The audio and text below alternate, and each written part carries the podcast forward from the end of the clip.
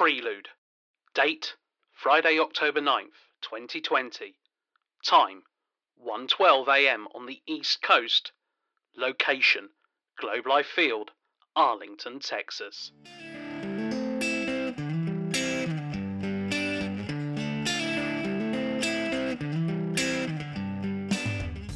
As Trent Grisham watched Dylan Floro's fastball pass into the strike zone without so much as a flinch, the San Diego Padres' first playoff run since 2006 came to an end. Instead, it would be the Los Angeles Dodgers, their National League West rivals, who would advance out of the divisional series before eventually claiming their first World Series crown since 1988. For Padres general manager AJ Preller, the playoff berth had offered a taste of success after six years of trading and dealing to try and end years of subpar seasons. The thing is, with talents such as Fernando Tatis Jr. and Manny Machado amongst a plethora of others, the lineup was in a good shape for a deep postseason run. I mean, this was the side who, during the regular season, became the first to hit Grand Slams in four consecutive games, much to the Texas Rangers' chagrin during a four game sweep in August. That offensive firepower can be reflected by the analyst's raw value plus metric, which examines how a batter performs through each pitch of an at bat, rather than just the end result. With the league average set at 100, the Padres recorded a 126 RV plus rating during the regular season, best for second in the entire majors. Preller knew where the issues lay though, it came with the pitching. And whilst not disastrous in terms of RV minus, where the lower the value the better, his starters ranked 10th at 94 RV minus, whilst the bullpen was just one position better with an 86 RV minus rating. But the best laid schemes of mice and men were thrown into disarray in the postseason. Trade acquisition Mike Clevinger, who it had been hoped would lead the franchise forward, sustained an elbow injury in Game 1 of the NLDS, leading to the dreaded Tommy John surgery this past November, meaning he will be on the sideline throughout the 2021 season. That left Preller looking at his deck of cards, knowing he needed to make some bold moves if he was going to help produce the team's first World Series appearance since 1998. Something he duly delivered on in the space of 24 hours that changed San Diego. Act 1. Date Sunday, December 27th. Time 11:16 p.m. on the East Coast. According to multiple reports, the Padres have acquired former Cy Young Award winner Blake Snell in a trade with the Tampa Bay Rays. Snell, who is just 28 years old, just turned it in December, uh, is still owed 39 million over the next three years. Now, to land the ace, the Padres send former can't miss catching prospect Francisco Mejia and three minor leaguers to Tampa. Such is the way of the Tampa Bay Rays, there was always a chance that 2018 AL Cy Young winner Blake Snell would be on the trade block during the offseason. And it made even more sense that Preller would turn to a familiar friend to land a blockbuster deal. You see, he and Rays general manager Erik Neander had become pretty close over the previous 12 months. Heading into the 2020 season, they agreed a package that saw Hunter Renfroe, Xavier Edwards, he of the famous Snell Twitch outburst fame, and Esteban Quiroz head to Florida in return for Tommy Pham and Jake Cronenworth, who broke out enough to come close to claiming NL Rookie of the Year honours with a 285, 354, 477 slash line that featured 4 home runs and 20 RBIs. The two GMs also put together a separate deal that saw Emilio Pagan head to Florida, with Manuel Margot and Logan Driscoll heading to Tropicana Field. And by the 2020 raw value ratings alone, and even with just the good old naked eye test, for now, it appears the Padres got the better of both of these trades.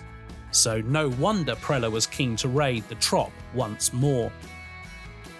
The challenge was the price for a talent like Snell, who had three years of team control left on his contract, was always going to be slightly higher. Luis Patino impressed in part during the truncated 2020 season with an 82 RV minus rating. But despite arguably being one of the leading prospects in a stacked Padres farm system, he appears a couple of years away from being truly at his best, which is not what a team looking to win right now needs. The Rays seem to be in agreement, optioning him down to AAA to start the season, although in the weird and wonderful way they manage their arms, don't be surprised if the Colombian does see some Major League action this year. Francisco Mejia will be the first to make an impression for the Rays, but will need to bounce back from batting a paltry .77 in only 39 at bats last season, although a promising spring suggests the thumb issues that derailed his campaign are behind him. Two minor league players, including Cole Wilcox, who set a third round record in the 2020 draft with a $3.3 million signing bonus, which the Padres will still pay, completed the package. The reality is, though, this is a price worth paying, as the Padres secured one of baseball's most effective pitchers when it comes to generating swings on pitches far off the plate. According to the analyst's Extreme Chase Plus metric, Snell finished fourth in the majors amongst those who threw at least 500 pitches in 2020. If there is any concern around Snell, it comes over his ability to pitch deep into games. Now, that could have been by Ray's design.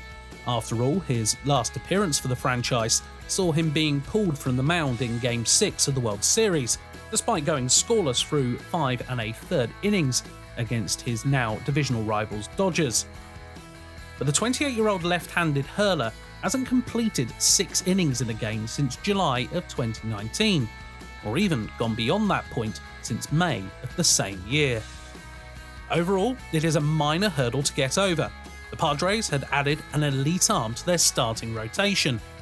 But less than 24 hours later, Preller and the Padres were ready to go all in.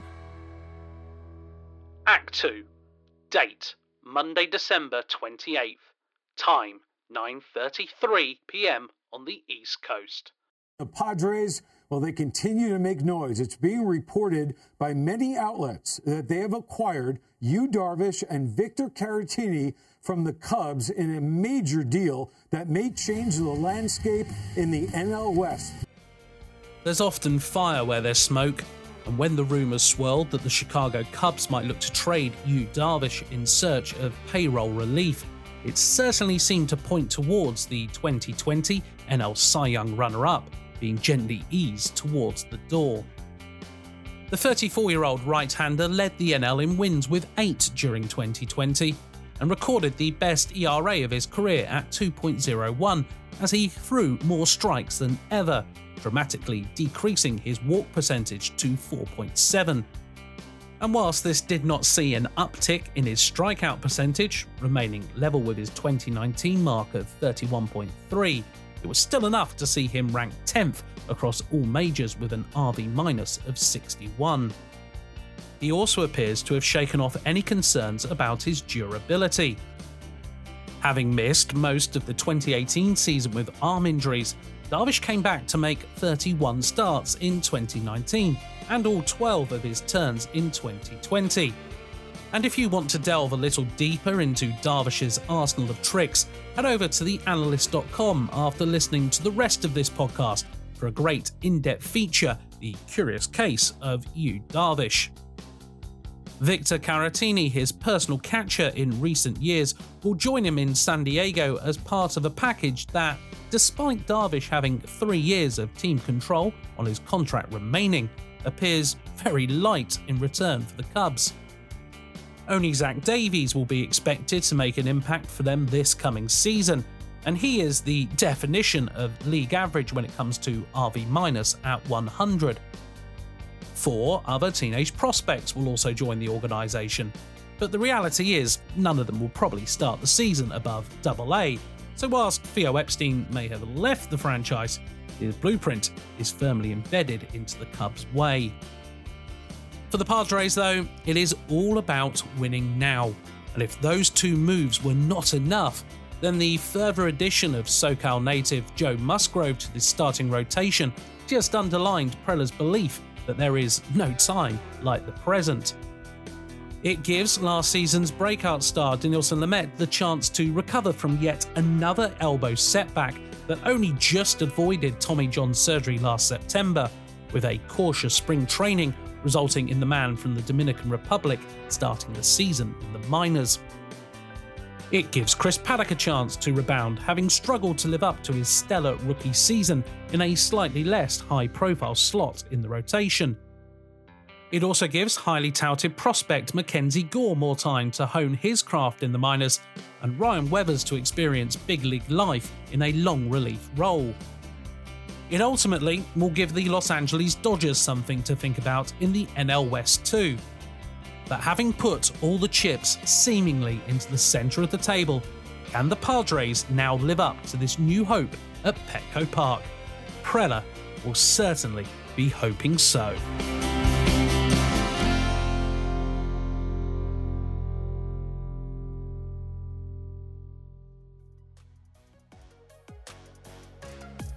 That was the 24 Hours That Changed San Diego, written, read, and produced by me, Graham Bell, with data modeling provided by Lucas Hupt, music from Audio Network, and archive from the MLB Network. This has been a production for The Analyst, home of data driven storytelling, which features great in depth articles from across the US sports scene, as well as specialised data visualizations, and more podcasts like this with our box score show, taking you in depth on famous moments in US sports history, beginning with a look back at Will Clark's timely performance in Game 1 of the 1989 NLCS. We will have a little preview for you in a few moments, but in the meantime, why not head over to our website now, theanalyst.com, or alternatively follow us on Twitter and Instagram at OptaAnalyst. You can continue to get lost in the reads from the analyst by subscribing on your preferred podcast application like Spotify, Apple Podcasts, Google, Amazon Music, and many others. And we would also love for you to rate and review the shows too. Give us those all important five star ratings. We'll be back soon with another episode, but for now, it's so long from everyone at the Reads from the Analyst.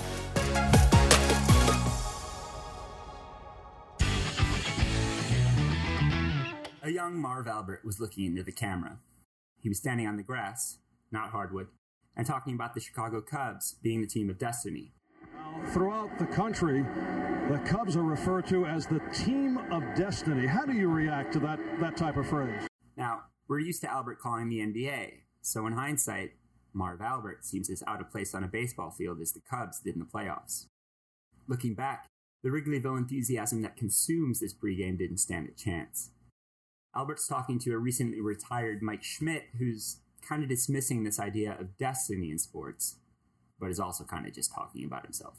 Well, not being a player now, I, I, I, kid around about destiny. I think it might mean something, but inside those clubhouses, destiny means nothing. If this isn't 1989 enough for you yet, it gets better. The Cubs public address announcer brings the fans to their feet to formally get things underway.